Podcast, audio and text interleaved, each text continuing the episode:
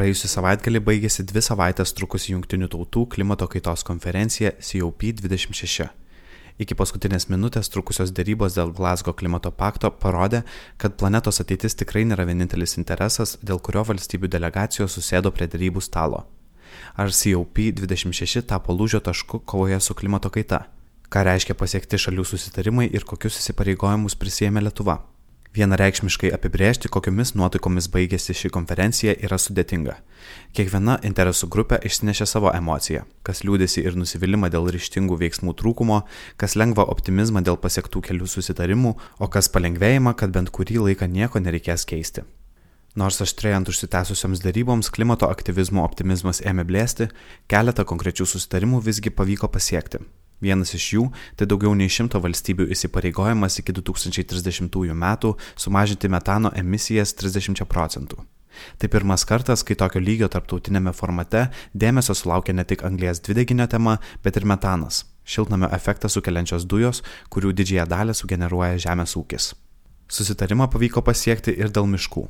Daugiau nei 140 valstybių, kurių teritorijose yra maždaug 85 procentai viso pasaulio miškų, pažadėjo iki 2030 metų sustabdyti miškų naikinimą.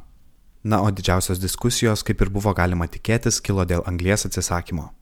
Tik kiek daugiau nei 40 valstybių prisijungė prie susitarimo palaipsniui nutraukti anglies naudojimą ir nebeinvestuoti į anglies pagrindų gaminamą energiją. Karštos diskusijos dėl galutinio susitarimo parodė, kaip smarkiai skiriasi interesai tarp skirtingų valstybių. Palyginti aukštas ambicijas kovoti su klimato kaita matome tarp ES valstybių, o tokios valstybės kaip Kinija ir Indija nėra linkusios aukoti savo ekonominio augimo ir vystimosi vardant klimato kaitos stabdymo. Būtent šios dvi šalis ir jų pozicija lėmė, kad konferencija užsitęsė, o susitarimo tekstas paskutinę minutę buvo koreguotas, sušvelninant poziciją dėl anglės atsisakymo. Apmaudu, kad nebuvo patvirtintas pradinis, žymiai ambicingesnis tikslas dėl anglės atsisakymo, tačiau pirmą kartą istorijoje mes matome oficialų pripažinimą, kad iškastinis kuras yra viena pagrindinių klimato kaitos priežasčių. Tai nėra jokia naujiena ES, bet daliai likusio pasaulio tai yra reikšmingas signalas. Beje, už ambicingesnį anglės atsisakymo tikslą pasisakė ir kaimininė Lenkija, kuri, kaip žinia, yra itin priklausoma nuo šio iškastinio kuro. Tuo tarpu Indijos pavyzdys daugelio apžvalgininkų nuomonė yra vienas konferencijos nusivylimų, tačiau pačiai valstybei tai didžiulis žingsnis į priekį. Indija, būdama didžiausių pasaulio teršėjų penketuke, pranešė, jog planuoja tapti klimatui neutrali iki 2070-ųjų, o tai yra 20 metų vėliau nei prašo jungtinės tautos ar yra įsipareigojusios vakarų šalis. Drąsesnių tikslų Indija kol kas neskelbia, nes jos ekonomika dar itin priklausoma nuo iškastinio kuro. Tačiau šalies mokslininkai ir politikai pabrėžia, kad Indija vysto žalėją strategiją ir kaip vieną iš pavyzdžių pateikia jų vystomus jūros dumblių ūkius.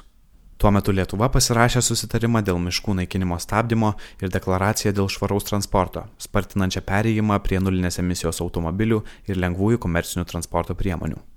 Prie nepasiektų tikslų galima priskirti ir dar vieną neišspręstą klausimą kaip ekonomiškai stipresnės šalys galėtų padėti skurdesnėms valstybėms apsisaugoti nuo klimato kaitos padarinių. Apžvalgininkai nerimauja, kad be didesnių finansinių injekcijų besivystančios šalis ne tik negalės įgyvendinti pažadėto emisijų mažinimo, bet ir patirs katastrofiškus klimato kaitos padarinius.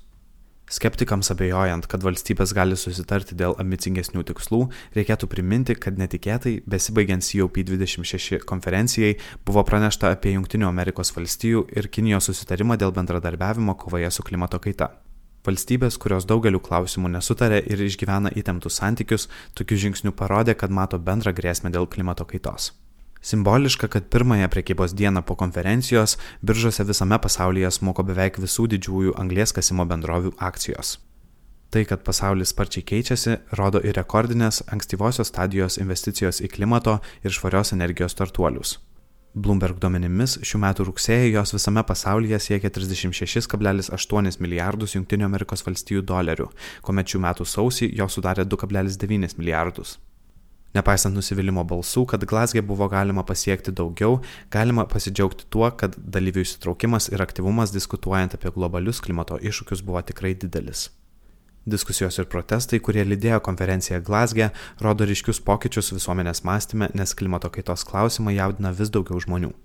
Susitarimai ir pastangos mažinti temperatūros kilimą neišvengiamai lems ir daugiau pokyčių kasdienėme gyvenime. Ekspertai prognozuoja, kad jau visai netolimoje ateityje elektra varomos transporto priemonės taps norma ir jo savo kainą neišvengiamai turės susilyginti su vidaus degimo varikliais varomais automobiliais.